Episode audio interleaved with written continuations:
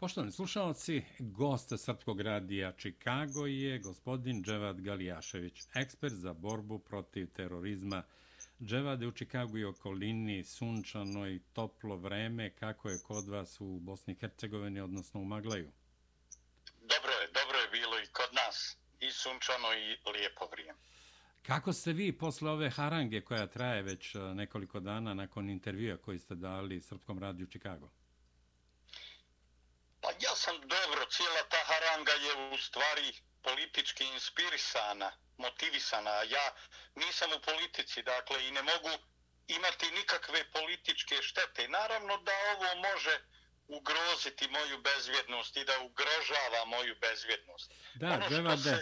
Dževade da. oprostite, meni je jako žao što, što je to na neki način ispalo tako, iako prosto nismo imali nameru ni vi ni ja da napravimo pometnju, ali evo ako dozvolite ja ću u, u par rečenica samo da podsjetim naše slušalce i pratioce YouTube kanala o čemu se radi, a vi ćete komentarisati. Naime, Posle intervjua koji ste dali za Srpski radio Chicago, krenula je opšta haranga, politička i medijska, nakon što je BN televizija na svom portalu i u svojim informativnim emisijama objavila deo intervjua u trajanju od e, 17 minuta i 58 sekundi, a intervjue traju inače sat i 10-15 minuta, nije ni važno, uz naslov koji je dala BN televizija. Dodik preko Galijaševića najavio sveopšti napad na Vučića, iako se Milorad Dodik, srpski član predsjedništva Bosne i Hercegovine, u intervju koji ste dali za Srpski radio Chicago uopšte ne pominje. Dakle, molimo vas da nam kažete o čemu se tu radi i zbog čega ste vi na pojedinim medijima proglašeni za neprijatelja Srbije i predsjednika Aleksandra Vučića i da navodno po nalogu Milorada Dodika izazivate sukobe između Srbije i Republike Srpske. Izvolite. Pa u stvari u tom pitanju jeste najvažniji odgovor. E, ovdje je riječ o napadu na Milorada Dodika i na Republiku Srpsku. Dakle, ti napadi su krenuli od ranije i za njih stoje uglavnom e, Britanci i Amerikanci. I to smo vidjeli i kroz sankcije koje su uvedene vodećim ljudima Republike Srpske.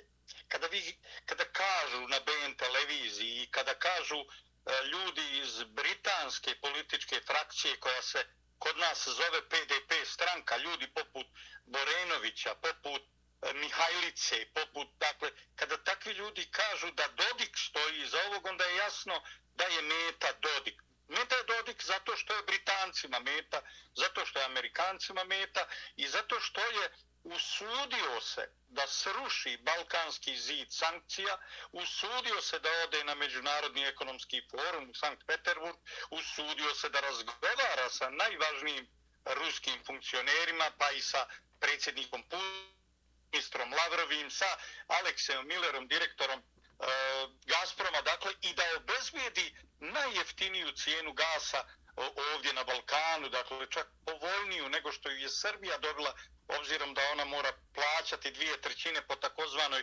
naftnoj formuli, a jednu trećinu po berzanskim cijenima, pa je to puno više nego ovo što je Dodik obezbijedio za Bosnu i Hercegovinu. Dakle, meta je bio Dodik, meta je Rusija, ja sam ovdje kolateralna žrtva, ali kolateralna e, šteta ima svoje probleme. Dakle, ono što sam ja govorio u vašoj emisiji, vi to najbolje znate, dakle, e, mi se nismo bavili ni jednom ličnošću, mi smo se bavili određenim pojavama, među tim pojavama bile su i neke pojave u vezi sa o takozvanim otvorenim Balkanom, obzirom da to nije nikakav otvoreni Balkan, nego anglo, anglosaksonski model otvorenog društva, kome u stvari je pokrovitelj Aleksandar Soroš, zamjenik Đorđa Soroša i njegov sin. Na kraju krajeva i američki ambasador koji je tu bio prisutan. Ja sam to komentarisao objektivno. Džavade, izvinjavam se, govorite o američkom ambasadoru Kristoferu Hillu, ambasadoru da. u Beogradu. Da, upravo njemu. Dakle, zamislite na sjednicu lidera takozvanih, e, takozvanih lidera e, na Balkanu, Albanije, Sjeverne Makedonije, Crne Gore i Srbije, da na toj sjednici učestvuju e, Christopher Hill i Aleksandar Soroš. I da to sakriju svi mediji. Dakle, da naprasno ne pišu o tome. Ja sam čak na vaše pitanje odgovorio šta mislim o tome i zaista sam i rekao iskreno. Rekao sam u stvari da Srbija očito nije ništa naučila iz 1918. godine kada je sa takvim, e, ja bih rekao, neizgrađenim identitetima, sa politički slabim narodima koji su bili neprijatelji, koji se ponašaju kao neprijatelji, gradila zajedničku državu. I vidite kako je Srbija prošla. Nakon toga zapostavila je sebe, dakle, Srbija je gradeći Jugoslaviju odbacila samu sebe, odbacila svoj narod, praveći te neke nove nacije na Balkanu, one su sve bile iz tog humusa etničkog identiteta srpskog naroda. I oni po Makedoniji, oni po Crnoj Gori, i oni u Bosni i Hercegovini i tako dalje. Dakle, ja sam govorio o tome. Nisam imao nikakve loše namjere, jer obzirom da ja nisam dio nikakvog političkog procesa. I u tom smislu i vidim da je ova haranga koja je krenula na mene, dakle oni stalno i uporno pominju Dodik, Željka, oni e, Željko Cvijanović pominju koja je predsjednica Republike Srpske. Dakle, oni pominju s jedne strane da bi mene ucijenili e, u, i podcijenili. Dakle, prvo da me ucijeni da ne govorim, jer eto nanosim štetu Republici Srpskoj i Srbiji, pa će se Dodik i Vučić posvađati zbog onoga što ja govorim. Kakve veze, u ostalom, evo pitam vas, iskreno, kakve veze ja mogu imati sa institucionalnom politikom i političkim odnosima Srbije i Republike Srpske. Ja Apsolutno sam nikakve. Jedan, dakle, ja sam čovjek koji živi, koji je bošnjak, koji je musliman, koji živi u najradikalnijem, najotrovnijem i najprimitivnijem kantonu bošnjačkog etničkog prostora Zemčko-Dobojskom kantonu. To je kanton koji je primjer nasilnih vjerskih zločina, koji je primjer nasilne islamizacije. I u tom smislu ja sam poštovao snažnu ulogu Republike Srpske koju vodi Milorad Dodik u smislu da je pokazao snagu i sposobnost Republike Srpske da spriječi Bosnu i Hercegovinu, da zakorači u tu, u tu takozvanu takozvanu E, politiku islamizacije, izgradnju islamskog društva, pravljenja islamske države i pravljenja onoga što bi u stvari kao krovna struktura izgradnje toga bila muslimanska braća, a, a krovni program bila islamska deklaracija Alija Izetbegovića.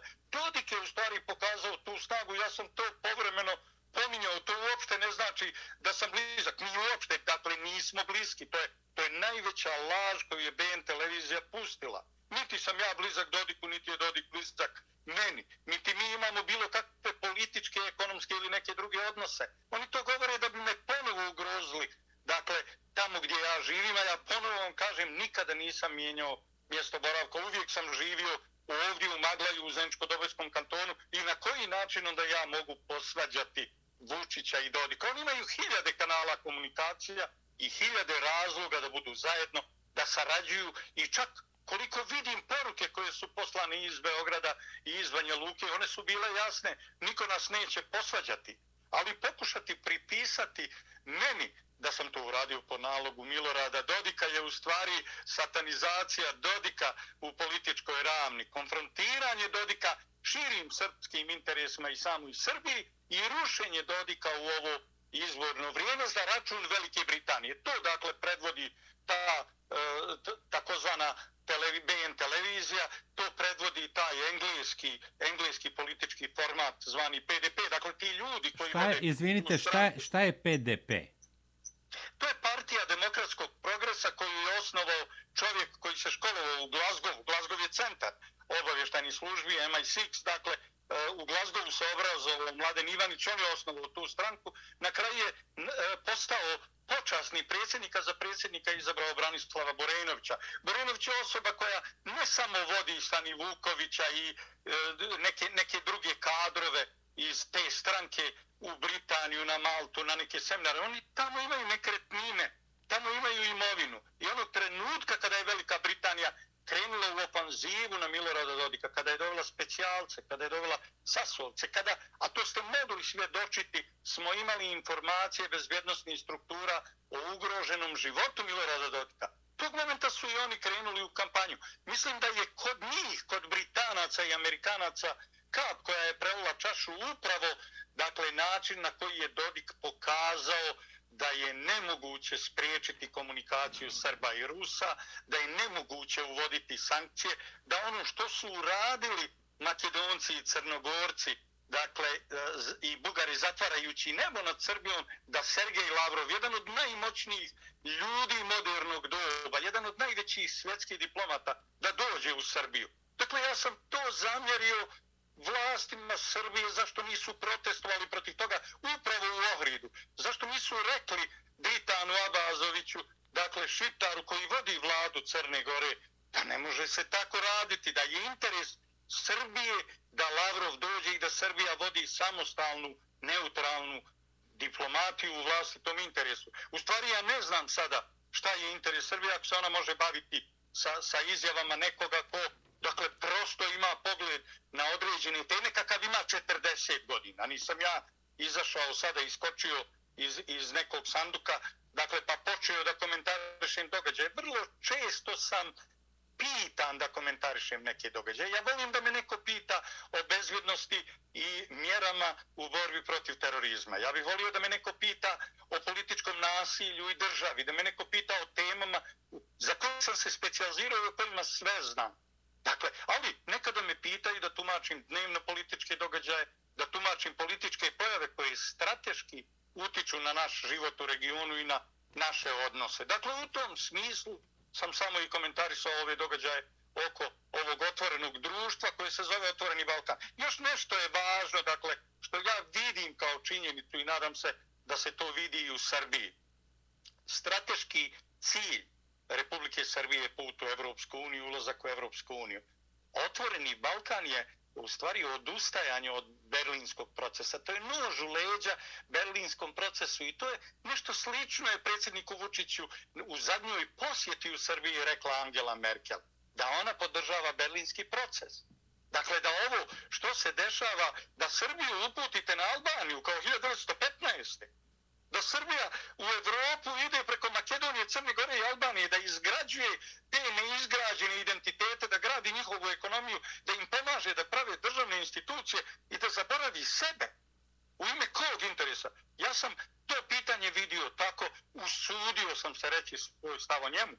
Laž je da moj stav može na bilo koji način dakle, ucati. To je stav jednog od rijetkih bošnjaka koji e, cijeni kod Srba njihovu predanost u radu, njihovu borbenost, njihovu ulogu u istoriji, oslobodilačke ratove koje je vodila samo zato da bi se oslobodila tiranije, dakle, velikih sila, njihov doprinos u istoriji koji je nemjerljiv, to je rijedak doprinos relativno malog naroda koji donosi slobodu svojim susjedima, pa ga oni zbog toga najviše mrze.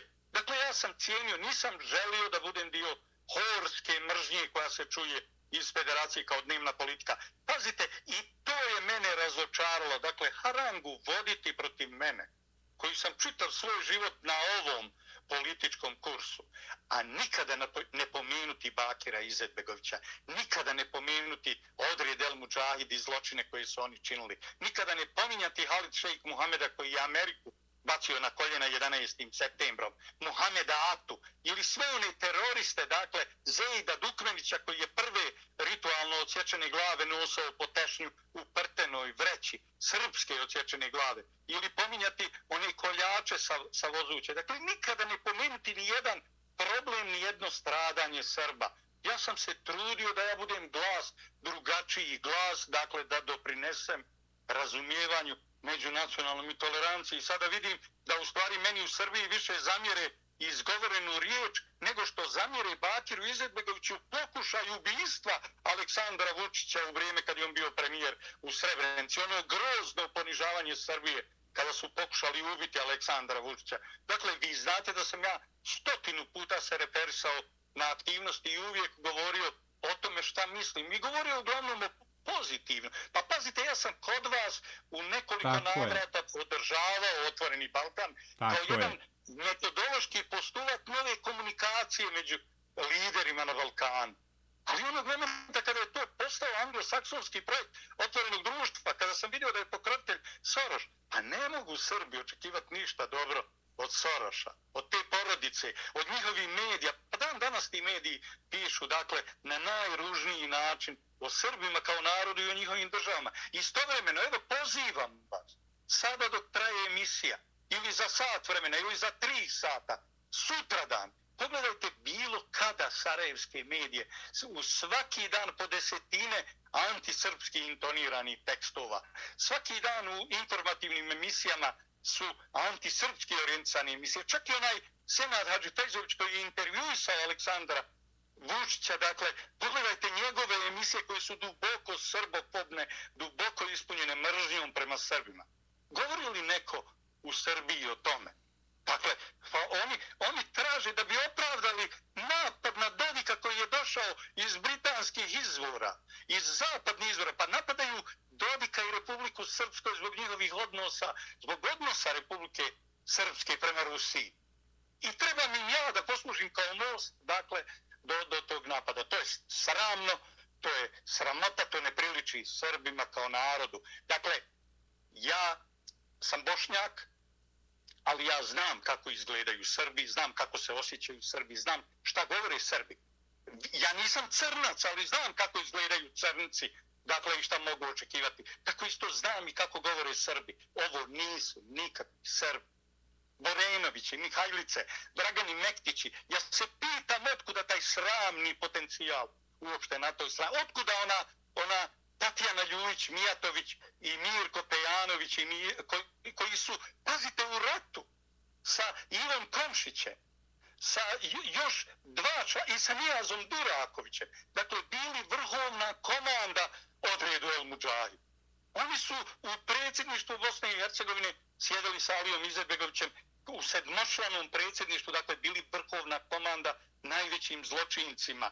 Dakle, otkuda ta Dunja Mijatović, koja danas iz Evropske unije nas obavještava, ta čerka Tatjani Ljuvić Mijatović. Otkuda takvi ljudi, dakle, među takvim slobodarskim narodom, zar je moguće da je narod izgubio osjećaj da prepozna taj, taj šljam, taj olož, da, da ga odbaci, dakle, i da, da, da, da zaista pokaže da neke britanske frakcije povezane sa frakcijama u Sarajevu, muslimanskog bratstva, i sa pojedinim frakcijama Britanci su pokušali među Hrvatima u dva navrata i kroz novu hrvatsku inicijativu i kroz cijepanje HDZ na HDZ 1990. Dakle, ostvariti uticaj. Ali su najsnažniji uticaj ostvarili kod Srba i Bošnjaka. Kod Srba preko te partije demokratskog progresa, a kod Bošnjaka preko stranke demokratske akcije koja je produžena ruka muslimanskog bratstva.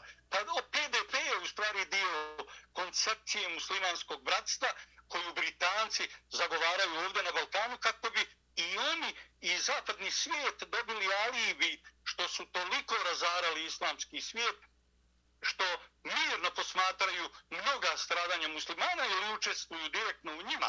Pa evo imaju neki muslimani koje, koje oni podržavaju.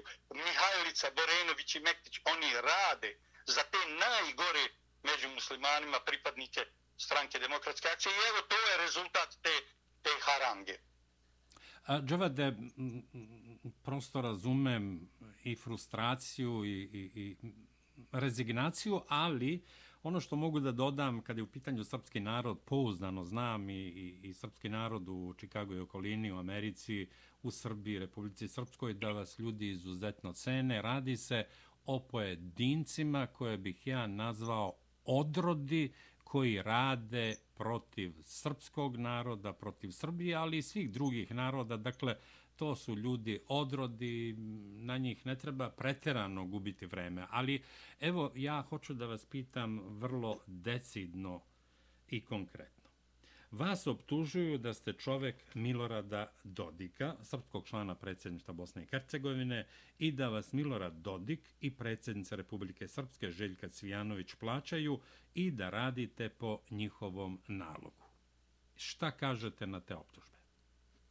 Pa to, to su optužbe u stvari predsjednici Cvijanović i predsjedniku Dodiku, da oni plaćaju nekoga ko hoće da posvađa Srbiju i Republiku Srpsku. Ja nikada nisam bio ni uposlenik, ni funkcioner, ni član Dodikove stranke, niti sam ikada imao bilo kakve, pa čak ni privatne odnose sa e, predsjednicom Cvijanović i predsjednikom Dodikom. Ne pamtim kada sam zadnji put vidio ih iz daljine ili, ili nešto. Dakle, uopšte nemamo kontakt i oni to znaju, pa ja pozivam te ja računam da je Srbija ozbiljna država, ona ima bezbjednostno informativnu agenciju, ona ima vojno bezbjednostnu agenciju, pa dajte, uradite svoj posao i obavijestite predsjednika Vučića o tome kakve veze ima Dodik i Željka sa mnom. Nemaju, ponovno vam kažem, nemaju nikakve veze. To su takve izmišljatine, dakle, koje meni u, u, u ovom složenom vremenu na bošnjačkom dijelu ugrožavaju život, dakle, a s Tako druge je. strane prave ozbiljne političke probleme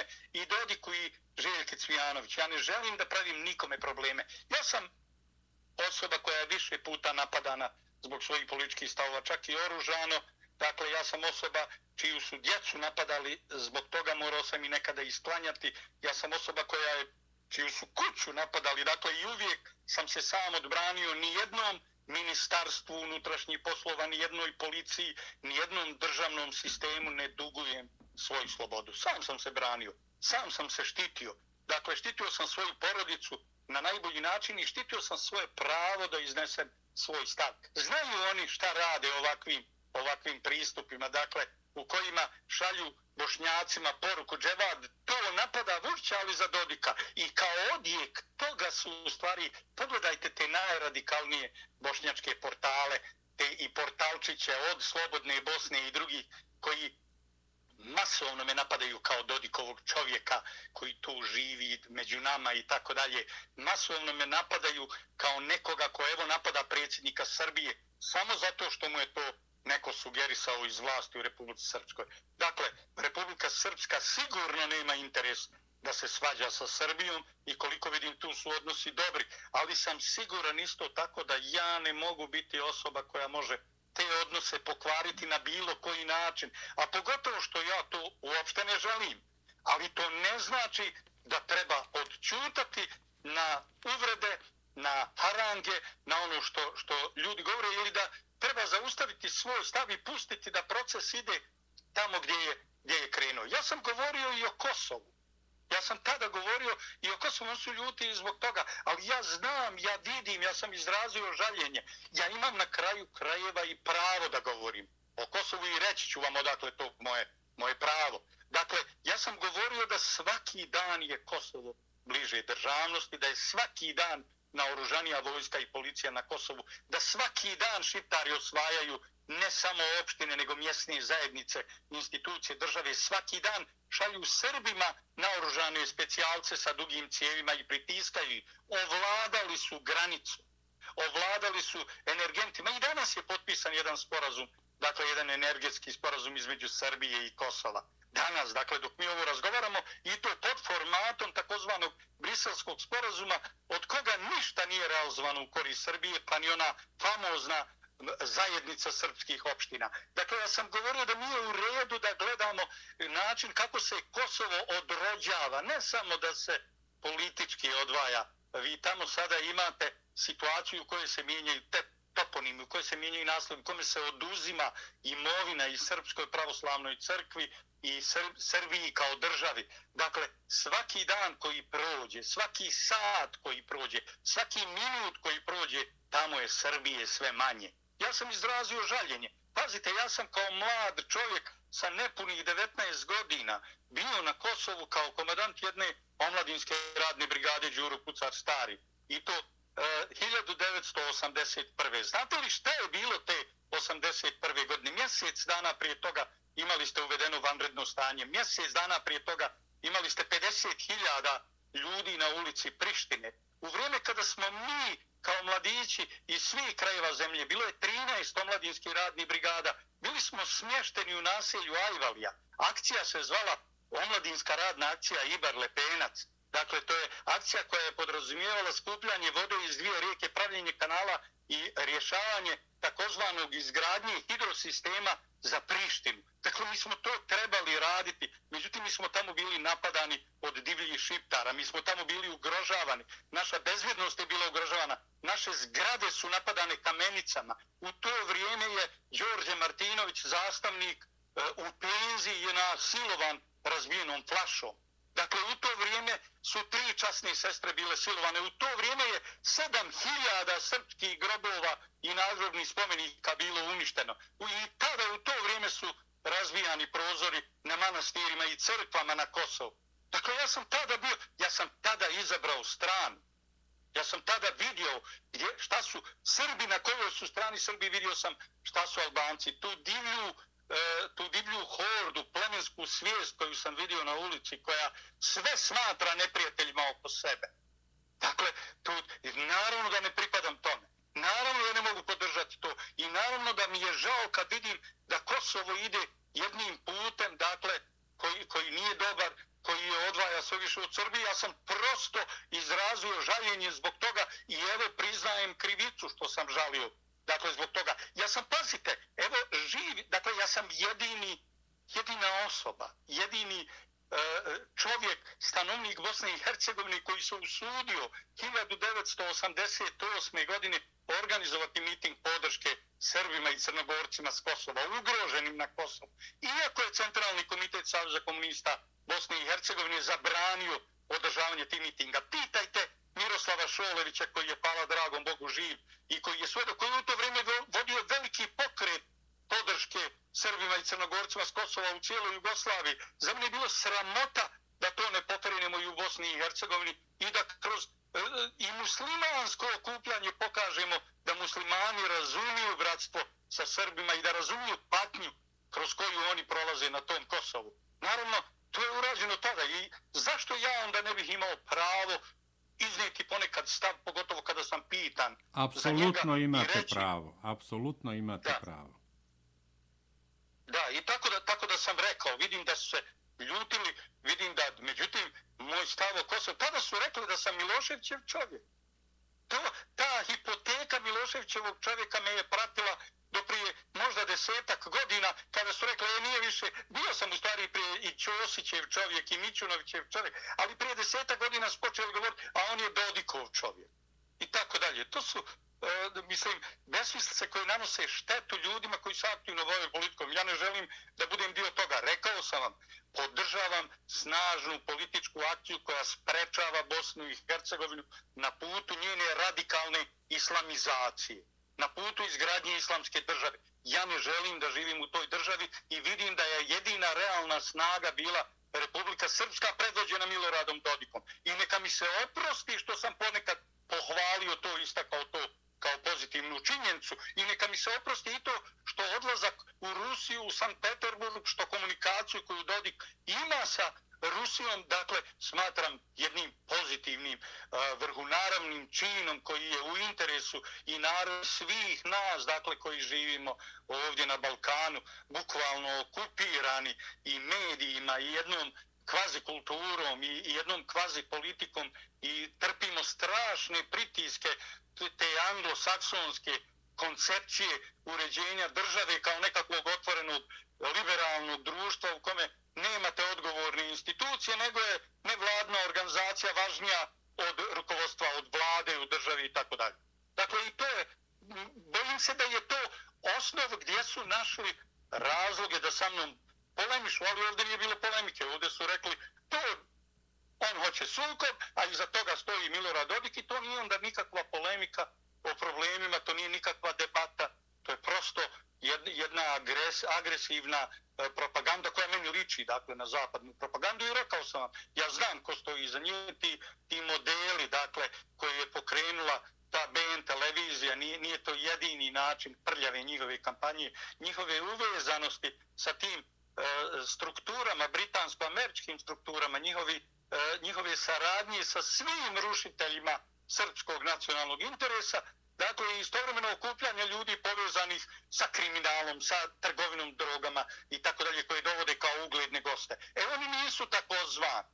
Oni nisu samozvani, oni su pravi, dakle, gosti. I upravo BN televizija sa ovom britanskom političkom frakcijom PDP dakle, je u stvari napravila harangu, izmišljenu priču, dakle, taj naslov koji je BN televizija objavila, su prenijeli mediji u Srbiji, uzeli su ga kao autentičan. E, mogu reći da je i prije toga jedan, jedan naslov prenesen od BN televizije, dakle, i da je cirkulisao srpskim informativnim prostorom, a to je naslov Putin potvrdio, Bosna i Hercegovina je uvela sankcije Rusiji. Pazite, predsjednik Dodik je rekao dok je živ, dok je na poziciji neće dozvoliti da Bosna i Hercegovina uvede sankcije.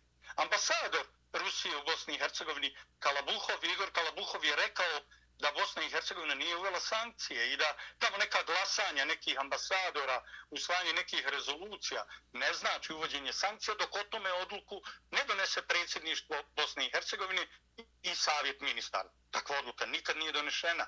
Ali iz nekog razloga mediji u servisu uporno dakle, puštali tu priču da su sankcije Rusiji uvedene. Čak iz Rusije su dobili poruku da sankcije nisu uvedene. Čak i Srbija sa najvišeg političkog nivoa pokušala nas uvjeriti da je Bosna i Hercegovina uvela sankcije. A sada vidimo Dakle, da od momenta kada je krenula specijalna operacija Rusije u Ukrajini, da je dotok u Bosnu i Hercegovinu, dakle, za 55% povećan. Da je cijena ostala ista kakva je uvijek bila. Zašto bi to Rusija radila jednoj neprijateljskoj zemlji koja uvodi sankcije? Ali, dakle, taj naslov koji je izbacila, dakle, e, BN televizija, naslov je glasio ovako, e, e, dakle, Putin potvrdio, Bosna i Hercegovina uvela sankcije, Dodik laže. Dakle, pa pogledajte sada kontinuitet tih objava BN televizije i vidjet ćete da sam iz nekog razloga ja postao samo kolateralna e, žrtva jedne politike koja je već imala svoje tokove utvrđene u Velikoj Britaniji i Sjedinjenim američkim državama, utvrđene u stvari u ambasadama tih moćnih država koje u stvari žele da e, Srbe kao politički faktor na Balkanu potpuno dakle, oslabe da njihov državotvorni potencijal u Crnoj Gori, u Bosni i Hercegovini, dakle, pa i, i na, na Kosovu, dakle, da potpuno unište, da ponište onako kako su to radili, uradili u Hrvatskoj.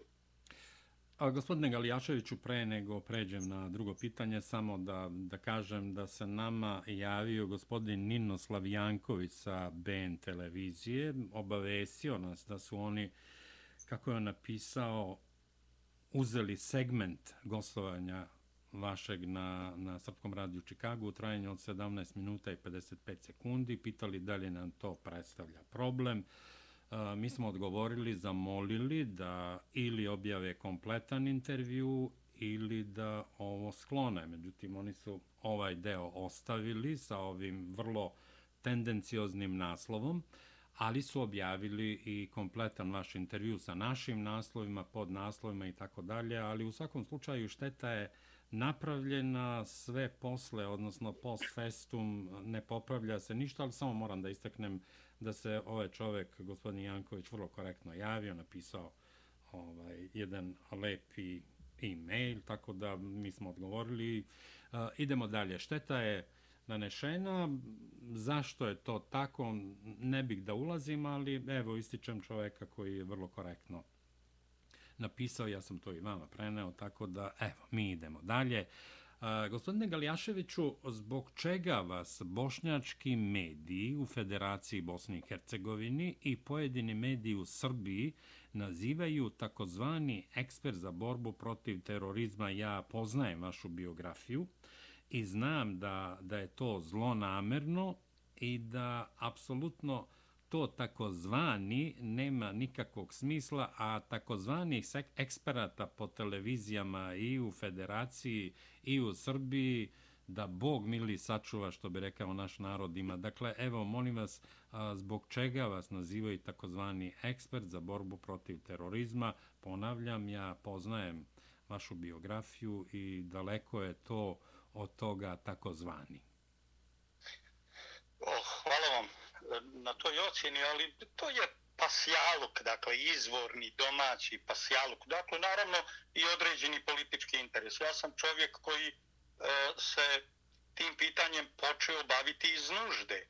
Došao sam na neku vlast tamo 22. maja 2000. godine i zatekao sam u jednom srpskom selu 1550 muđahedina. To selo Bočinja na granici između Magleja i Zavidovića, dakle, je imalo čitave e, dakle kolonije muđahedina, grupe pripadnike odreda El Muđahid i doveo ih je tu Šefik Džaferović, današnji, današnji član predsjedništva, uz podršku svoga nasljednika na čelu na e, centra službi bezbjednosti u Zemci Šemsudna Mehmedovića. I upravo su instalirali u Maglaj koji nije imao veze s tim, dakle nismo imali pojma ni kako to izgleda, dok su muđahedini u Tešnju i u Zavidovićima bili i tekako prisutni i pravili e, ogromne zločine na sve strane.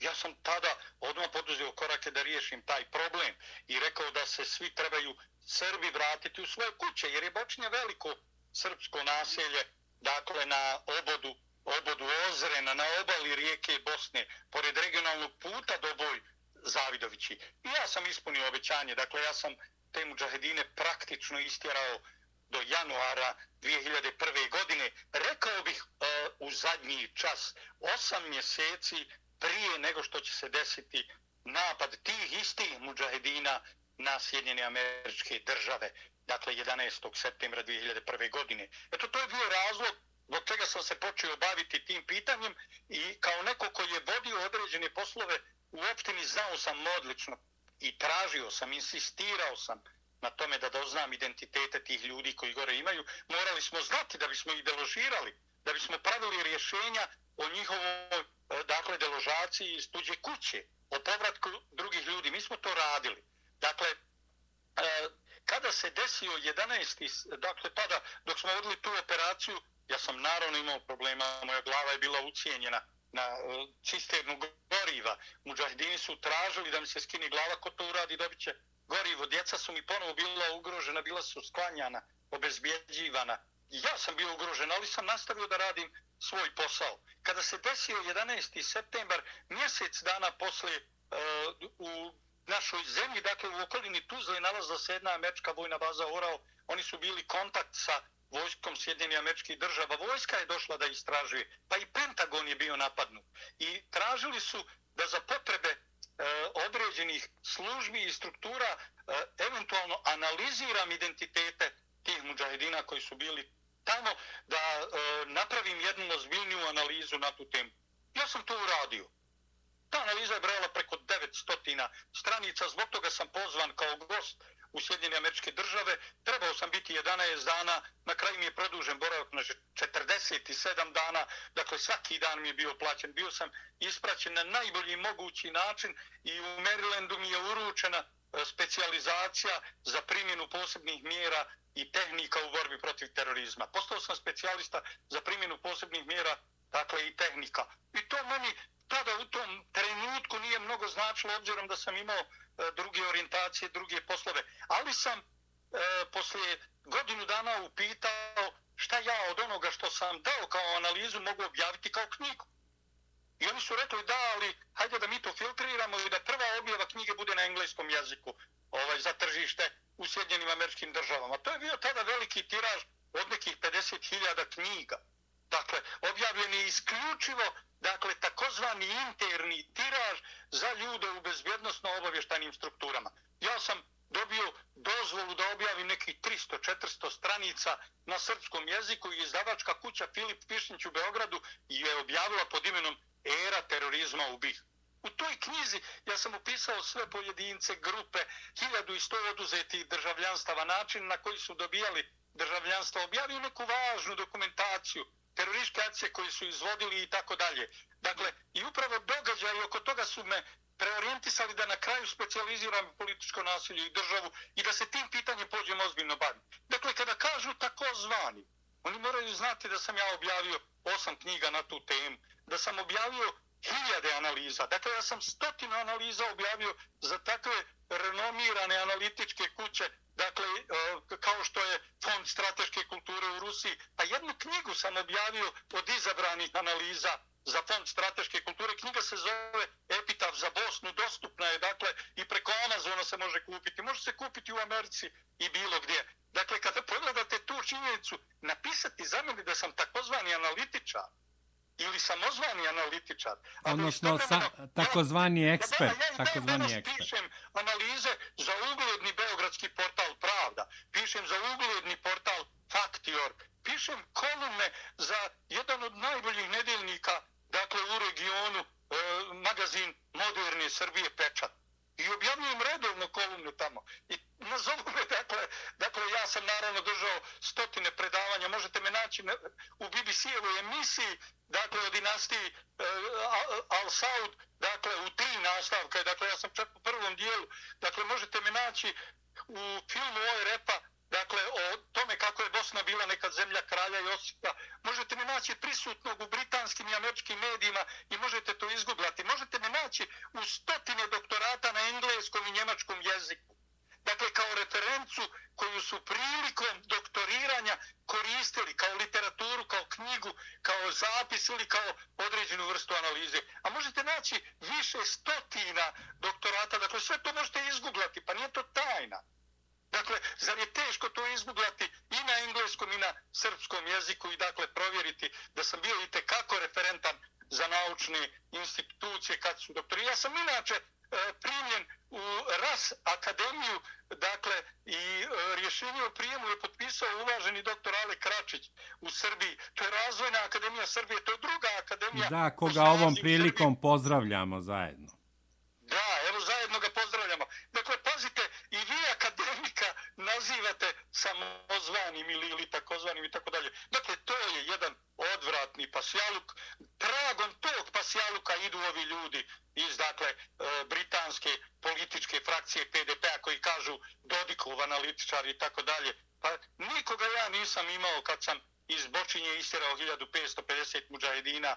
Dakle, nikoga ja nisam imao iza sebe. Bio sam sam, kao što je Meša Selmović u jednoj knjizi rekao, išao sam kao budala pored provalije, veseo i razdragan. Dakle, upravo sam se ja tako ponašao. jer nisam znao sa čim sam se uhvatio u koštac, sa kojim problem. Ali sam nastavio dosledno da to radi. Nastavio sam dosledno da demaskiram te uloge, da, da analiziram dakle, pojave, njihovo djelovanje, njihove terorističke akcije, da pratim njihove prljave tragove, da ukazujem na njih. Smatram to svojom misijom Dakle, to iz Sarajeva i te, te priče, dakle, nadam se da ko pogleda dakle, i činjenicu da sam e, član redakcije naučnog magazina Politeja na Fakultet političke nauka, da sam urednik e, rubrike Bezvjednost, dakle, i, i odbrana u okviru izdavačke kuće Pili Pišin, da društvene odnose, ja sam urednik njegovih izdanja, dakle, e, uvaženog vlasnika Dejana Maspilovića. Dakle, kada vi pogledate angažmane koji koji imam i način na koji sam tretiran, meni te sarajevske priče ništa, ništa formalno, to, to obezvređivanje, to minimiziranje, taj pokušaj, dakle da se o meni razgovara iz ugla njihovih etiketa, sliči na ovo, pa pogledajte da je to taj model, dakle sa kojim smo se suočili ovih dana od tih Borenovića, od te Boranije političke i Mihajlica nekakvih i tako dalje. To je taj model, dakle, vi kažete on je nečiji, on to radi za nekog, time negiraju i vas kao kreativnu ličnost. A istovremeno prave probleme političke ljudima koji e, u, u njihovoj političkoj aktivnosti Ja nisam član nikakve političke aktivnosti i nikakve političke stranke i zaista mi je ružno to što se dešavalo ovih dana. Da, gospodine Galijaševiću, ja sam već rekao da ja poznajem vašu biografiju i prvi put kad ste se javili, prosto sam konsultovao i prijatelje, kad ste bili gost na talasima Srpskog radija Chicago, dakle poznajem biografiju i znam šta misle vrlo ugledni ljudi u Srbiji, u Bosni i Hercegovini i na prostorima bivše Jugoslavije i šire o vama. I meni je to bilo dovoljno, ali je meni uh, a, prosto privilegija da ste mi prijatelj i privilegija je da govorite za Srpski radio Chicago i da vas ovde ljudi i cene i poštuju i širom Sjedinjenih američkih država. A, imam, i, da, imam još jedno pitanje, malo je, pa ne bih rekao da je neprijatno, ali dajte da, da rasvetlimo i to. Bog čega vas e, neki pod navodnicima, ja neću reći ni, ni, ni, ni ljudi, ni likovi, nego oblici nazivaju Alinim muđahedinom, dakle muđahedinom Alije Izetbegovića. A znam da ste bili zatvarani, znam da vam je glava bila u torbi i dan danas je tako. Pa da, i ta svinjarija je krenula sa BN televizije. Pa Taj odvratni, dakle, manir je otvorio Dragan Mektić, tadašnji ministar bezbjednosti. Naime, Dragan Mektić je osoba koja je završila uh, internu školu šestog stepena Hrvatskog MUPA. Ministarstva unutrašnjih poslova Hrvatske. To je čovjek, dakle, sa internim, uh, internom višom škol, školom iz Hrvatskog MUPA u doba dolaska Franje Tuđmana. Dakle, to je Dragan Mektić. On je došao na BN televiziju kod, kod e, e, Suzane Rađen Todorić, dakle, došao i da bi zaštitio stvarne zločince sa vozuće. Samo je taj motiv imao, zapamtite, da zaštiti izvršioce teških zločina na vozućoj. On je rekao da na postrojavanju na Gostoviću vidi mene i da ja e, salutiram Ali Izebegoviću i pokazao je sliku. Na slici su bila tri komandanta, nagrađena komandanta. Jedan je bio Abu Mali, komandant odreda El Mučahid, do njega je bio komadant drugog diverzantskog odreda Sead Rekić, a do njih je bio taj sa sunčanicama koji je bio komadant trećeg manevarskog bataljona Kakanj Elvedin Šehagić Dinko. Dakle, pazite, on je krijući Dinka, obzirom da, pazite, iskreno, na vozućoj su se takmičili u klanjima, ritualnim ubijanjima Srba, kakanjci i muđahedini. A drugi diverzanski odred je to za dokument. Kad kažete kakanjci, da pojasnimo našim slušalcima koji ne znaju, da. to su ljudi iz Kaknja, bošnjaci iz Kaknja. Da, da, odnosno, odnosno treći manevarski bataljon iz Kaknja.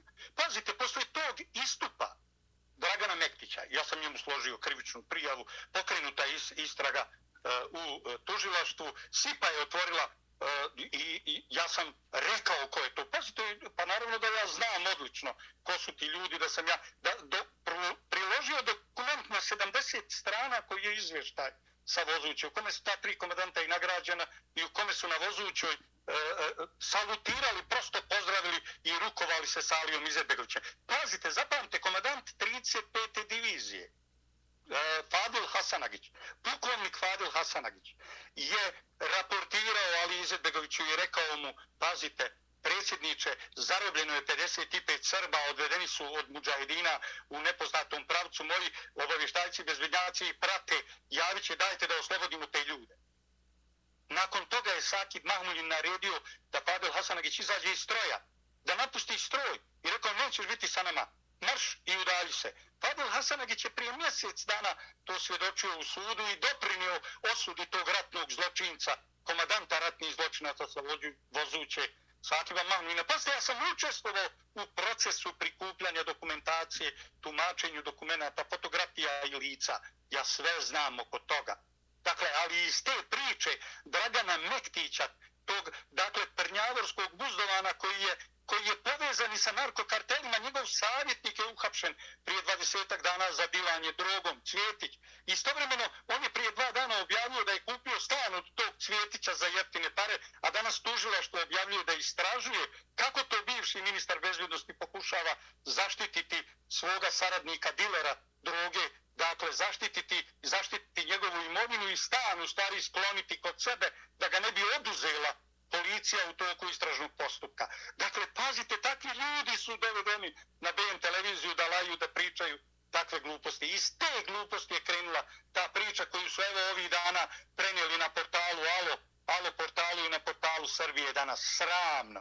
Dakle, moram vam priznati da su veliki mediji u Srbiji bili tekako ozbiljni u ovom našem odnosu. Oni najozbiljniji, najtiražniji, tekako su ozbiljno pristupili, mada su tražili odgovore na pitanje, nisu u potpunosti slijedili ovu, ovu PDP britansku logiku, niti logiku ove narkotelevizije, dakle i klošara, dakle koji su tamo dolazili kao gosti i tumačili događaje. Uglavnom je ta etiketa Alin Mujahedin, dakle, došla iz toga. Ja vam moram reći da sam ja čovjek koji je e, 4. Januara 1992. godine, a tada je već bio rat i u Hercegovini i u istočnoj Bosni. Vodio se rat i u Podrinji. Dakle, već, je, već su pucale puške, već su bile pojedine i blokade. Ja sam tada došao u Beograd na posljednju konvenciju za Jugoslaviju. Da govorim. Dakle, tu konvenciju je otvorio tadašnji predsjednik predsjedništva SFRA, e, dr. Branko Kostić dakle Crnogorac.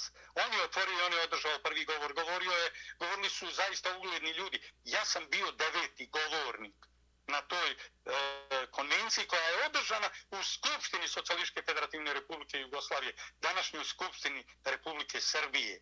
dakle u onom elitnom zanju. Dakle, ja sam posle toga uhapšen, otišao dva mjeseca na izdržavanje kazni i čim sam izašao iz zatvora, ja sam sa majorom Stankovićem, komadantom odbrane Doboja, majorom Vojske Republike Srpske, dakle čovjekom koji će posle postati i pukovnik na kraju i general i biti ministar bezvjednosti, ministar unutrašnjih poslova Republike Srpske, koji živi u Srbiji. Dakle, sam sa njim organizovao posljednji miting za Jugoslaviju u Doboju gdje smo imali desetine hiljada ljudi. Ja i major Stanković smo se obratili, dakle, kao nekakav Srbin, dakle, i, i nekakav musliman istog doba. Obratili smo se sa kinosale, morali smo govoriti sa balkona kinosale u Doboju, a park narodnih heroja bio je prepun. Dakle, ljudi koji su isto tako kao i mi željeli sačuvati minimum zajedničkog I da ne dođe do krvavog rata. Da bome. I pazite, i opet sam uhapšen. I posle toga otišao dva mjeseca u zatvor. Dakle, e, i zbog podrške agresoru i tako dalje i tako dalje. Posle sam bio ponovno kod kuće dva dana pa sam uhapšen jer sam navodno davao e, svjetlosne signale srpskoj vojsci. Pa su me vodili, e, posle 18 dana sam bio, dakle bio sam uglavnom u petom paviljonu, 60 dana sam proveo u karantinu kazneno popravnog zatvora u Zenici, a ostalo vrijeme sam provodio u takozvanom petom paviljonu, u kome su samo bili zarobljeni Srbi. To je bio logor za Srbe. Dakle, tamo su Srbi izvođeni, streljani, ubijani. Doktor Sladojević je ubijen. Tamo su bili Srbi iz Bilješeva, iz Rad, Radu, Drivuše, iz dakle, okolnih mjesta oko Zenice i same Zenice. Bilo nas je nekoliko stotina u paviljonu koji je možda imao tada 45 kreveta. Dakle, okay, ja sam bio jedini dakle, među muslimanima koji je sa Srbima prolazio tu patnju e, logora, koncentracijoni logora, vidio je kako to izgleda. Ja sam 18 dana proveo u slačioncama futbalskog kluba Tošku Tešnju, koja je isto logor bio Šemsudina Mehmedovića, njegov privatni vojni, vojni logor. Dakle, proveo sam i četiri dana u podrumu teritorijalne odbrane. Dakle, cijelu 92. godinu proveo sam u Valijinom zatvoru i zamislite, zamislite da postoje e, ne ljudi, da postoje takvi E, takvi oblici, primitivni oblici života koji mene mogu povezati. Ja nikada u životu nisam bio na tom području, dakle Vozuća i Gostovića, tom području između Zavidovića i, i o, Olova. To je meni daleko nikada. Ni u miru, ni, ni u ratu. Nazivati mene Alim i Mujahedino može samo budala ili jako zlonamjerna, bezobrazna osoba, dakle koja laže kao pas koja izmišlja, koja vrijeđa, koja e, neka nazovu Ali Ized, Bakira Izetbegovića e, Alinim Stinom i Alinim Mujahedinom. Neka nazovu Osmicu. Neka progovore onim ljudima iz SDA. Jesu li ikada progovorili i kritikovali stranku demokratske akcije ti odvratni britanski pioni iz PDP-a? Je li Boronović ikada išta rekao zbog zločina učinjeni prema Srbima? Je li ikada progovorio protiv Sakiba Mahmuljina, Atifa Dudakovića ili neki generala muslimanskih koji su komandovali izvođenju ratnih zločina. Ja sam govorio o tome jer sam smatrao da je potrebno da neko između bošnjaka kaže ponešto dakle i o svojoj krivici i o svojoj odgovornosti i da pokaže elemente suočavanja sa vlastitim greškama. Pa lako je tražiti trunke u tuđem oku, a ne vidjeti balvan u svome oku. Ja sam vidio balvane u svome oku, vidio sam balvane i tuđim, drugim, ali o tome su stalno govorili te međusobna optuživanja i hapšenje uglavnom, e, dakle, e, e, ljudi na srpskoj strani, procesuiranje Srba, kažnjavanje Srba, dakle,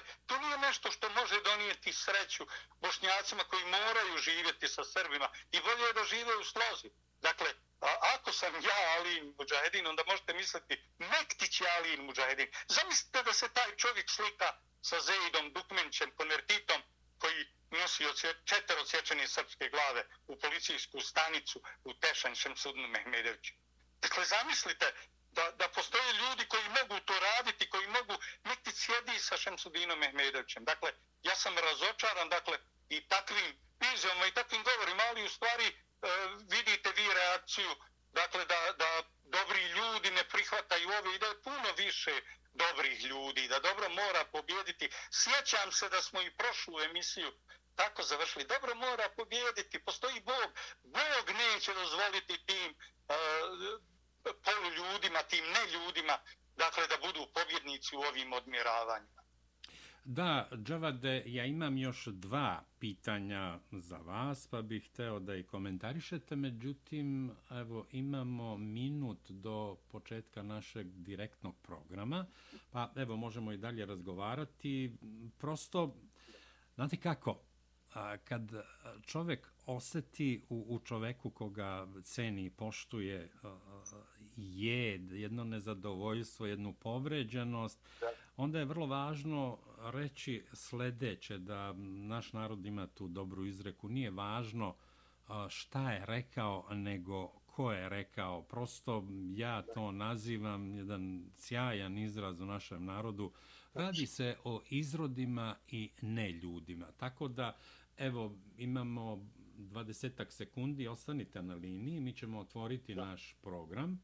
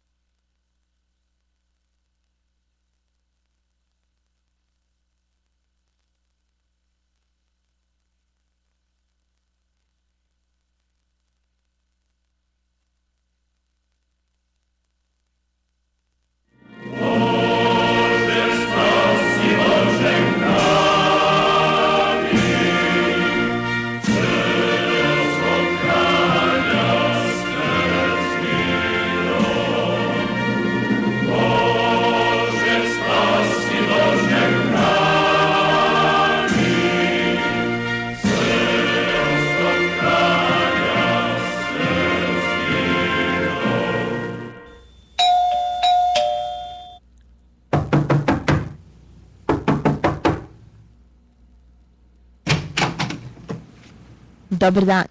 Dobrodošli u informativno-muzički svet Srpskog radija Chicago. Da, 3 sata i 1 minut.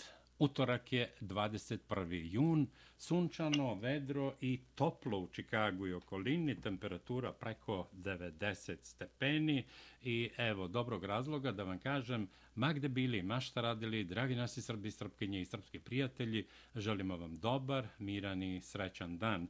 Naravno, iznad svega, želimo vam dobro zdravlje. Naš današnji program biće otvoren na jedan drugčiji način. Gost Srpkog radija Čikago je gospodin Dževad Galijašević, ekspert za borbu preto, protiv terorizma.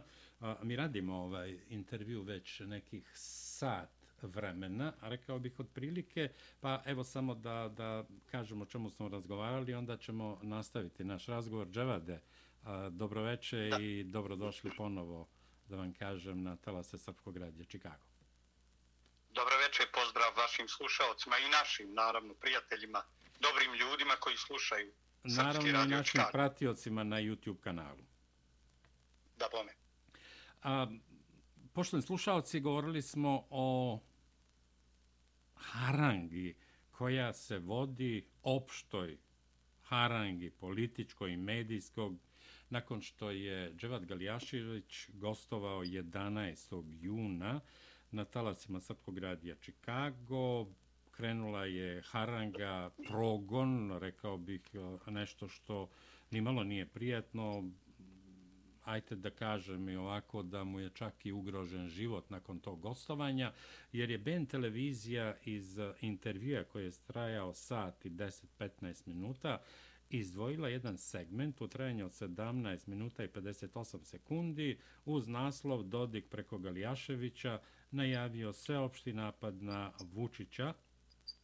Iako se Milorad Dodik, srpski član predsjedništva Bosne i Hercegovine, u intervju uopšte nije pominjao. Dakle, krenula je opšta haranga i napadi na a, gospodina Galijaševića u pojedinim bošnjačkim medijima i u medijima u Srbiji. Govorili smo i o tome da Dževa da optužuju da je čovek Milorada Dodika i da ga Milorad Dodik zajedno sa Željkom Cvijanović plaća da radi po njihovom nalogu i da izaziva sukobe između Srbije i Republike Srpske. Naravno, sve to možete čuti u našem programu, ali čućete i na našem YouTube kanalu. Pored toga, Dževad Galijašević odgovarao je na konstatacije pod navodnicima, ja bih rekao oblika, malo je tu ljudi, koji nazivaju Čevada Galijašević takozvanim ekspertom za borbu protiv terorizma. Govorili smo o, o, svem onome što jeste Dževad Galijašević i zbog čega može da se punih usta nazove ekspert za borbu protiv terorizma. Pored toga, do malo pre Dževad Galijašević objašnjavao a, zbog čega ga nazivaju pod navodnicima, opet, kažem, raznorazni oblici ili izrodi, Alini muđahedinom. Dakle, Dževad, evo, celi intervju ćemo emitovati i na radiju Srpskog, Srpskom radiju Čikago, ali ćemo ga emitovati na našem YouTube kanalu. Pa bih hteo da, da nastavimo razgovor. Navešću ime jedne gospođe. Ajte, to je u komunikaciji sasvim korektno, iako ne znam koga sve treba zvati gospodinom ili gospođom, ali u svakom slučaju Suzana Grubješić u njenoj biografiji stoji da je srpska političarka, bivša potpredsjednica vlade Srbije za evropske integracije, potpredsjednica stranke G17 plus i koalicije Ujedinjeni regioni Srbije. Dakle, radi se o osobi koja je bila a, političarka i u DOS-u, čini mi se i u vreme Zorana Đinđića, pokojnog i tako dalje i tako dalje. Ali ono što je ovde interesantno, to je da je Suzana Grubješić gostujući kod Milomira Marića na jednoj od televizija sa frekvencijom, sa nacionalnom frekvencijom, koja se povremenim istupima ističe u svojoj rusofobiji, a rekao bi ponekad i, hajte da kažem, ne baš velikim srpstvom, da ne kažem antisrpstvom, Po sistemu bolševičke demokratije, bolje reći demagogije, zahtevala je u toj emisiji da se vama zabrani gostovanje na medijima u Srbiji zbog intervjua koje ste dali za Srpski radio Chicago. Pa molim vas za komentar. Pa to je Gebelsovska škola, dakle, informisanja. Informisanje je važno samo kada je dio određenih političkih projekata. Takvih ljudi, nažalost, se nakotilo dakle, i e, zadržalo nekako uz vlast, onaj Krle što je bio savjetnik Borisa Tadića. Suzana Grubješć koja je smetenjak koja povremeno iznosi uh, vrlo nesuvisle i neutemeljene stavove koja, uh, ja bih rekao, stalno pokazuje neku netrpeljivost prema Rusiji koja stalno govori o, o jednoj Evropi. Nije, ne postoji jedna Evropa. Dževade, dževade, dževade, dževade, oprostite što vas prekidam. Moram da dodam nešto što je vrlo važno i esencijalno da ne zaboravim kasnije. Dakle, pored toga što traži da se vama zabrani gostovanje na medijima u Srbiji, ona je saopštila da Milorad Dodik nikako nije smeo da se pojavi na a, samitu u Sankt Peterburgu, ekonomskom samitu u Sankt Peterburgu, gde je bio i Vladimir Putin, i da je Milorad Dodik tamo sedeo sa talibanima. Izvolite. Pa, to je, eto, to je u stvari sve ovo što se dešavalo oko BN televizije, dakle i što se dešavalo oko ove britanske političke partije PDP, ljudi koji tamo imaju imovinu po Britaniji, koji se školovali po Britaniji, koji prolaze seminare po Britaniji, ljudi poput Branislava Borenovića ili, ili uh, onog poltrona Mihajlice, dakle ljudi poput Dragana Mektića i slični. Dakle, vi vidite da je meta u stvari Republika Srpska i vidite da je meta Rusija. Vi vidite da to rade ne Srbi, da to rade ljudi koji nisu Srbi. Kakva je Suzana Grubješić Srpkinja? Šta ona, kako je nije sramota? Dakle, kako je nije sramota sjediti s onim koji su ubijali i razvlačili Srbiju zadnjih dvije stotine godina? Dakle, od momenta kad su zadržavali osmansku vlast u Srbiji, sprečavajući da ode sa ovih prostora, da ne bi slučajno došli Rusi. E tu osmansku pamet, dakle britansku pamet, tu, tu, te britanske koncepte u stvari zastupa Suzana Grubješić kad, kad govori o, o E, kontaktima koje Srbi trebaju da imaju sa Rusijom. Dakle, održavati kontakte sa zemljama NATO pakta i žuriti u, u nekakav save sa zemljama, 19 zemalja koje su bombardovale, razarale Srbiju, uništile joj ekonomiju, uništile sve i koje danas otimaju 15% njene teritorije. Pa je li to treba biti lud ili treba biti nesrb kao što je, kao što je Suzana Grubješć? Ona je dakle taj G17 plus, to je najgora odvratna pljačkaška e, partija, dakle iz žutog doba, dakle iz doba onih koji su državnim udarom e, došli na vlast, koji su na kraju predsjednika, legitimnog predsjednika države poslali u Hag, koji su na kraju napravili ogromnu pljačku u Srbiji, uništili njene ekonomske potencijale, što nije uništio, što nije uništio NATO pakt, uništio je DOS, uništila je ta Suzana Grubešć i te bitange okupljene oko G17+. Dakle, okupljati te ljude oko vlasti i pustiti da se stvara slika kako je ona glasno govornik vlade u Srbiji, kako je ona taj, ta osoba koja usmjerava politiku evropskih integracija i pomaže Srbima da razumiju dakle, sve ove nove tendencije, te pederske balove koji će se praviti za 2-3 mjeseca tu činjencu,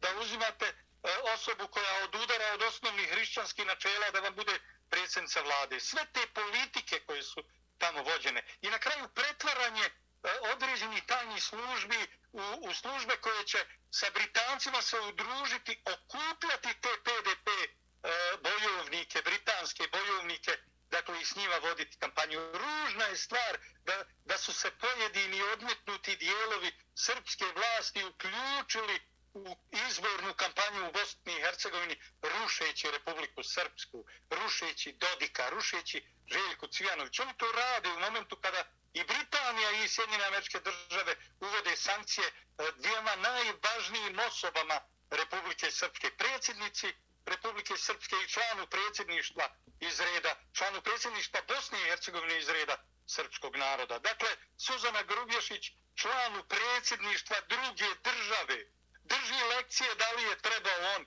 ići negdje. Šta ona zna o međunarodnoj politici? Šta ona zna o diplomatiji? Šta ona zna o šansi da stanete pred najvećeg e, svjetskog državnika? Dodika, Dodika je tamo primio predsjednik Putin. Zašto vijest nije obišla Srbiju kao jedna od najznačajnijih vijesti? Zašto vijest da je bio sa Sergejom Lavrovim, da je popravio taj ružan utisak, da negdje postoji zavjera i u Srbiji da Lavrov ne dođe i da po naručbi iz Beograda pojedini struktura zatvore Crnogorci i Makedonci nebo nad Srbijom, a da Šolc to zatraži od Bugara? Zašto se ne govori o tome? O tom ružnom maniru prodaje države, prodaje prijatelja. Ne mogu se prijatelji tako odbacivati. S druge strane, ja sam dugo pledirao na taj e, emotivni diskurs, na to pa srodstvo, pa bratstvo, pa prijateljstvo. Pa ne vrijedi, moramo im reći jasno u Beogradu, gubite šansu da budete sa pobjednikom.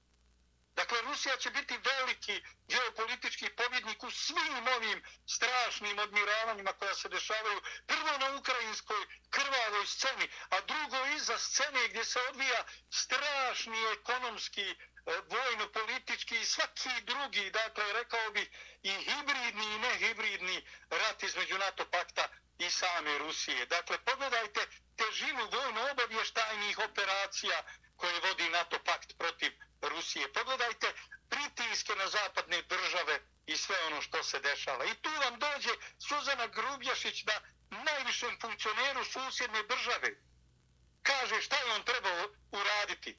I, I kaže on je sjedio sa talibanima. A Srbija šuti. Pa mogu i ja biti nekorektan pa reći nagovo, to je ona u ime Vučića objavila rat Srbima s ove strane Drine. Ali to ne bi bilo korektno. To ne bi bilo ni tačno. Vučić je rekao da želi dobro Republici Srpskoj da će učiniti sve da bude dobro. Pa učini.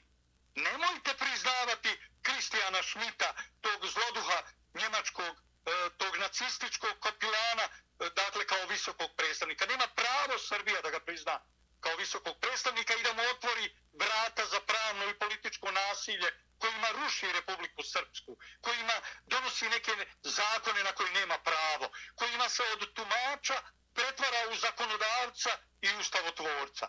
Dakle, učinite nešto za Republiku Srpsku i recite Britancima, vašim prijateljima i vašim partnerima Amerikancima da skinu te sramne sankcije protiv Republike Srpske i da prestanu slati te svoje specijalne snage po Banja Luci da hapse Dodika da mu ugrožavaju bezbjednost i da prestanu slati tu bijesnu dakle, elitu iz te takozvane PDP partije, te ljude koji su obučavani po britanskim tamo i otocima i ostrvima i mjestima i, i, i određenim ustanovama, da bi bili prije svega antisrpski orijentisani kao što je ta Suzana Grubješć koja je protiv svega što podrazumijeva srpstvo. Šta su Srbi ako ne prihvataju prijateljstvo rusko? Ako u tome nema e, činiti. čin, šta su Srbi kao hrabar narod u istoriji? Ako kažu, no znate, nema je teško sada biti sa svojim prijateljima, pa ćemo mi biti sa svojim neprijateljima.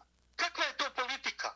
Kakva je to kapitulanska sramna politika, dakle, koju Srbija mora odbaciti, mora reći da to ne dolazi u obzir. Dakle, sve te stvari, Dodik je u stvari pokazao da se može, ako se ima čast i ako se ima obraza, Dodik je u stvari spasio srpski obraz odlazeći u Rusiju, dokazujući nije Rusija daleko kad je bolite, kad vam je stalo, dakle, da, da vratite one usluge, onu prijateljstvo, onu pažnju koju Rusija pruža.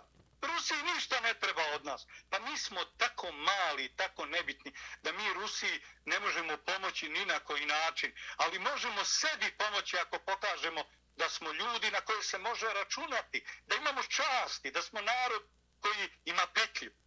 Ne narod one Suzane Grubješić, dakle te iz G17 plus koji kaže nije trebalo ići. Pa nemoj ti Suzana ići. Dakle, onima koji su bombardovali i ubijali srpsku djecu, e, trovali ih osiromašenim uranijumom i koji vam i danas okupiraju Kosovo. Pa zašto se o tome ne govori? Pa NATO pakt i danas sa gotovo 5000 vojnika na Kosovu naoružava dakle te Albance za buduće sukobe sa Srbijom, ne sa Rusijom. Oni kad kažu Rusija, zaustavljanje uticaja Rusije, oni misle na Srbiju, da Srbija još uvijek nije dovoljno skraćena, da je još treba kratiti. Pa za nije i u zadnjoj rezoluciji Vanjsko-političkog odbora Evropske unije od prije pet dana ponovo pomenuta autonomija Vojvodine. Zar se ponovo ne govori o tim čankovim idiotarijama, dakle koje ljudi poput čanka koji šetaju po televizijama, nacional, sa nacionalnom frekvencijom i govore ove antisrpske bljuvotine koji idu dakle u Ukrajinu da bi pričali antiruske gluposti e, i pokazivali svoju mržnju i svoj pasijalog. Dakle, razočaran sam da takvi ljudi mogu dobiti mikrofon, da takvi ljudi mogu govoriti, ali nisam protiv toga. Pa neka se čuje i takav stav da narod vidi sa kakvim se ljudima suočava. Srbija ne može biti gulag.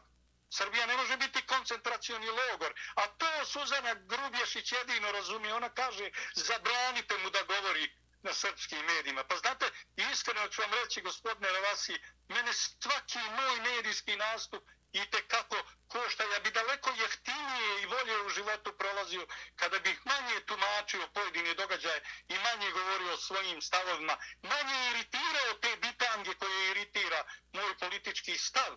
Dakle, i s ove strane Drine, a i s one strane Drine, pogotovo one oko, oko onog Sarajeva. Taj koncept u kome se na e, Dodika tovari nešto što sam ja rekao, znate li šta je to? To je koncept medijskog baliluka koji je došao iz Sarajeva. Pa šta je, evo taj medijski baliluk vidimo u BN televiziji, šta su oni drugi nego jadne poturice, medijske poturice koji se zavlače tamo uticajnim e, zlotvorima, dakle i koji dovode te sluge britanskog projekta u zemlji iz PDP-a, Borenoviće, Mihajlice, tako odvratne kadrove, nesposobne, dakle da išta srpsko razumiju i prihvate kao, kao svoje, a stalno će se dičiti kako oni tu znaju. Dakle, rekao sam vam, ja sam bošnjak, ja sam musliman, ali ja znam šta Srbi govore, ja znam šta Srbi osjećaju, ja znam šta su Srbi radili i na kakva su pregnuća bili spremni u istoriji, dakle,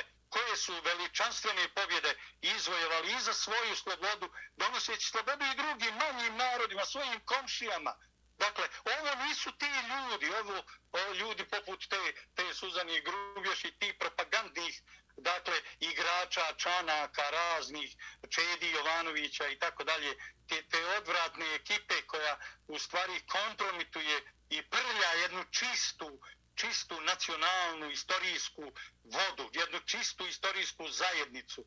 dakle, jednu čistu istoriju. Oni su najgori, najružniji, plaćeni svjedoci e, onoga da su Srbi loši, da su Srbi krivi, da Rusi ne valjaju i da samo valja ono što im govori Soroš, Sorošoidi su oni, dakle, ti antropoidi, ti ljudi koji nisu ljudi ni na koji način. Ne možete biti ni Srbi ako niste čovjek. Oni nisu, dakle, ni Srbi jer nisu ni ljudi, ni ti Borenovići, Boranije, ni te, ti ljudi Mihajlice ili te Suzane Grubješićke, dakle, koji dolazi iz Sombora eh, i, i sa svim tim kompleksima eh, nahrupila je u Beograd da tamo nešto pokaže, da tamo nešto demonstrira, da daje šuplja tumačenja pojedinih društvenih događaja i da nam objašnjava da je to pravilan pogled. Gdje ga je ona naučila? Gdje se ona obavijestila? U svome špajzu. Dakle, domet njenih mogućnosti uopšte da prikupi informaciju, da dođe do nje, da je pravilno analizira, da razumije događaj, je tako mali koliko je mali njen mozak. Dakle, i u tom smislu mi je žao kada čujem dakle, da takvi ljudi imaju mogućnost da to iznesu na televiziji s nacionalnom frekvencijom. Dževade, za 4. oktobar zakazani su opšti izbori u Bosni i Hercegovini. Da li ova haranga i sve ovo što se dešava kada je u pitanju Republika Srpska ima veze sa tim izborima u Bosni i Hercegovini i da li je ovo nešto što pripremaju, ja bih rekao, možda odrođeni delovi vlasti u Srbiji i odrođeni delovi bezbednostnih službi koji pripremaju i pokušavaju da obore Milorada Dodika, odnosno da pripreme teren da on izgubi izbore. Da, upravo to se dešava. Dakle, Srbija se na najružniji način uključila u izbornu aktivnost u Bosni i Hercegovini nikada Republika Srpska nije na bilo koji način nanosila štetu ni preko svojih kadrova, ni preko ljudi koji razumiju događaje. Nikada nisu nanosili štetu e, bilo kojoj političkoj stranci u Srbiji ili Aleksandru Vučiću u toku izborne aktivnosti. A mi sada vidimo, oni su požurili dakle, da prihvate britanske kvalifikacije o tome kako Republiku Srpsku neko svađa sa Srbijom i kako to Dodik stoji iza toga. Oni žele Dodika ukloniti i fizički, ne samo politički. Sankcionisali su ga već. Poduzima i mjere. Vidjeli ste danas šta je ona Viola von Kramon, dakle taj zeleni kadar koji je, koji je došao i obilazio Sarajevo, obilazeći institucije, šta je rekla. I ona je osudila I ona je osudila Dodikov odlazak u Sankt Peterburg na Međunarodni ekonomski forum. Dakle, koji je u interesu srpskog naroda, dakle u interesu Republike Srpske, dakle da budete tamo gdje se pokreću investicije, pa nisu samo pare u Njemačkoj, kao što neki misle, pa se prodaju Njemačkoj vladi i Bundestagu. Dakle, nije novac samo na zapadu, njega daleko više sada ima na ovom istoku, na euroazijskom dijelu, dakle pa čak i na afričkom dijelu, u okviru BRICS-a, u okviru e, šangajskih određenih organizacija za saradnju, u okviru euroazijskih za saradnju, dakle u okviru nekih organizacija i Dodik je otišao tamo da vidi ko može pomoći Republici Srpskoj u momentu kada Zapad provodi neviđenu harangu prema njemu. Jeste li ikada čuli da je Dodik rekao trpim teške pritiske? Jeste li ikada čuli da je Dodik rekao ugrožen mi je život, nego je dobio tu informaciju iz Ministarstva unutrašnjih poslova? Jeste li ikad čuli Dodika da je rekao teško mi je? Teško mi je, nije lako otići e, Čavušoglu u Istanbul, pa od Čavušogla otići, doći i u, u, u Brisel, pa razgovarati sa Šarlom Mišelom i 15 bošnjačkih stranaka iz Sarajeva, voditi ozbiljan sukob oko izgleda dokumenta, mape puta za dobijanje dakle, e, statusa kandidata za Evropsku uniju. Nije bilo lako posle Brisela otići e, u Istanbul, posle Istanbula otići u Sankt Peterburg. Dakle, ali Dodik, neko kad Dodik se bori, dakle, upravo ta činjenica da dolaze izbori, Zapad nima koji način ne smije dozvoliti dakle, da Dodik izađe na izbore. U ovom slučaju neke snage u Srbiji, dakle, mi vidimo te agencije oko koji se okupljaju ovi PDP bojovnici britanski, dakle, i vidimo način na koji pojedini mediji Srbije favorizuju i podržavaju te PDP udare na Republiku Srpsku. I to podsjeća, dakle, i pokazuje jednu zavjeru, postojanje zavjere britanske tajne službe i američkih službi i ambasada i u Bosni i Hercegovini i u Srbiji koji vode ove operacije. One su protiv Republike Srpske. Nije se Dodik posvađao s njima zbog boje sakoa, zbog načina i, i kako će putovati ili automobila koji izabere. On se posvađao zbog interesa i ustavnog položaja Republike Srpske jer su ga razvlačili, jer su ga uništavali. Dodik je pokazao političku snagu, dakle najvažniju da spriječi Bosnu i Hercegovinu u njenoj daljoj radikalnoj islamizaciji. A to je meni koji živim, dakle, na muslimanskom dijelu, u najgorem zemljičko-dobojskom kantonu, u kome se prepliču radikalni islam i organizovani kriminal. Dakle, meni je jako važno da Bosna i Hercegovina ne ode tim putem radikalne islamizacije koju bi vodili Britanci preko svojih instrumenta muslimanskog bratstva u Sarajevu i muslimanskog bratstva u, u PDP-u. Dakle, to su njihovi instrumenti za vođenje politike koja treba da realizuje deklaraciju, islamsku deklaraciju Alije Izetbegovića, da ovdje kroz proces unitarizacije koji je u stvari zapadni pojam.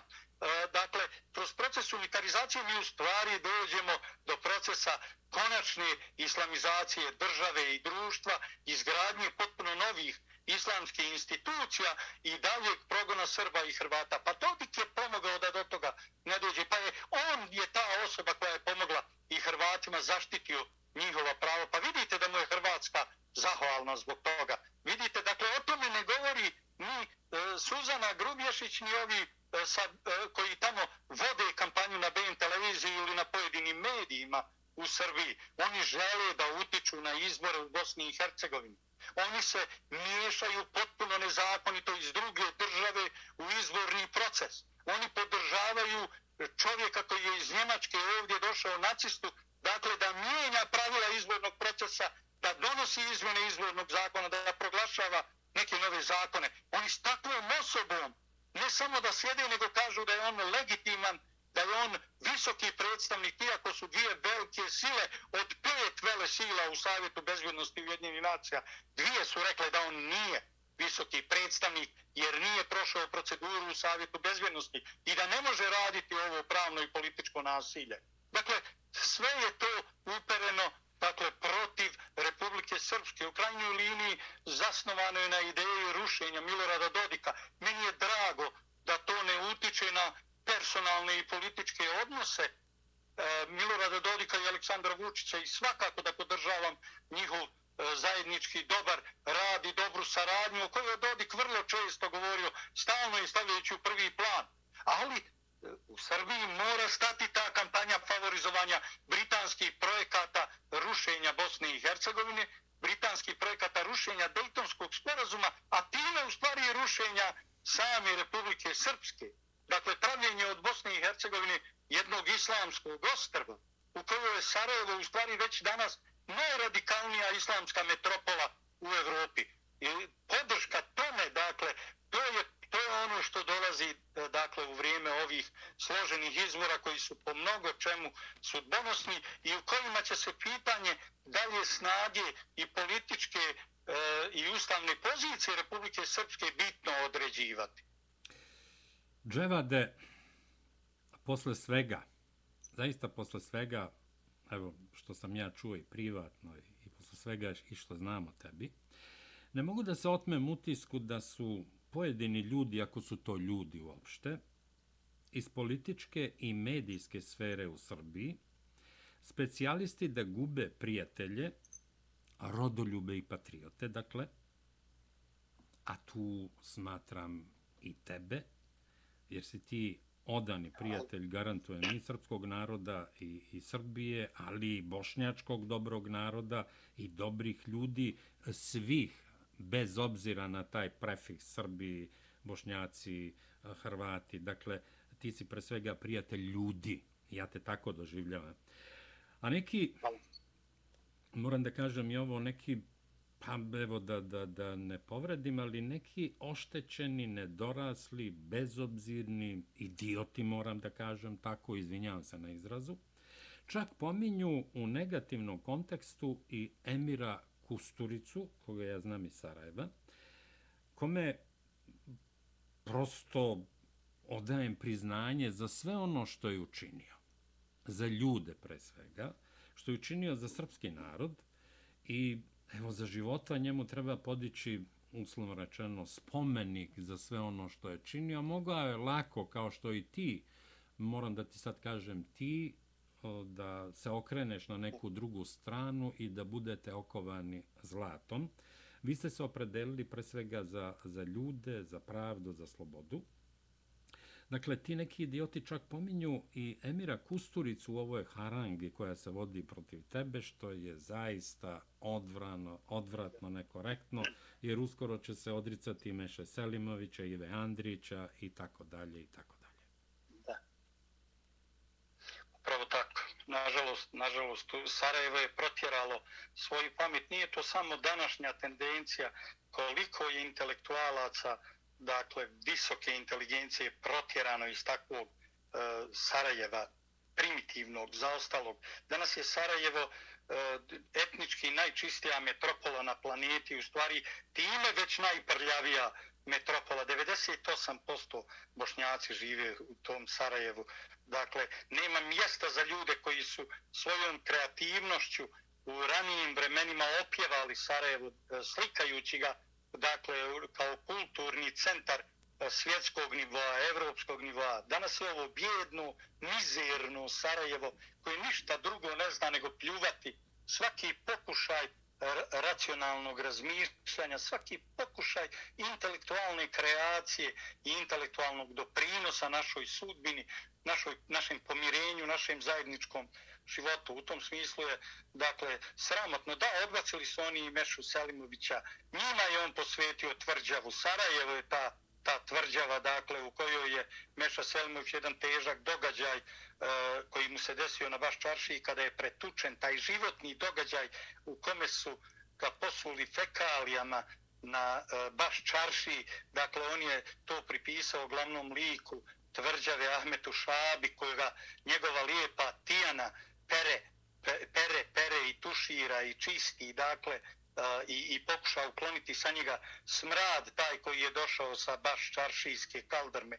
Dakle, Ivo Andrić je osuđen u Sarajevu kao najveći neprijatelj. Pa vidite da intelektualci, svi koji su dali pečat e, kulturi e, Bosne i Hercegovine nekad, dakle, književnici veliki, istoričari veliki, da su proglašeni kao oni koji su nanijeli više štete Bosni nego sve vojske koje su kroz nju prolazile i da su to govorili neki kvazi intelektualci, a usvajali ovi primitivci, poluljudi, ovi neandertalci, sarajevske kaldrme, dakle, današnje. Dakle, žalosno, žalosno. Da, žalosno je što takvih e, oblika ima i u sred Beograda. Dževade, Evo da zaključimo naš današnji razgovor. Pre nego ti se zahvalim, mm, reći ću sljedeće. Ima izvesnog kukavičluka, izvesne slabosti, izvesne prljavštine, čak i među veoma cenjenim ljudima. Samo razbojnici, oštećeni, nedorasli i bezobzirni ljudi, ako su to ljudi, ubeđeni su u šta?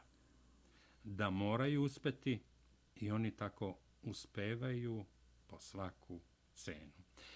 Hvala gospodine Galijaševiću što ste odvojili vaše vreme i govorili za Srpski radio Čikago i žao mi je ako je vaš intervju koji ste dali za Srpski radio Čikago 11. juna doneo neprijatnosti, a sve dok sam da jeste, ali vas molim da ne odustanete.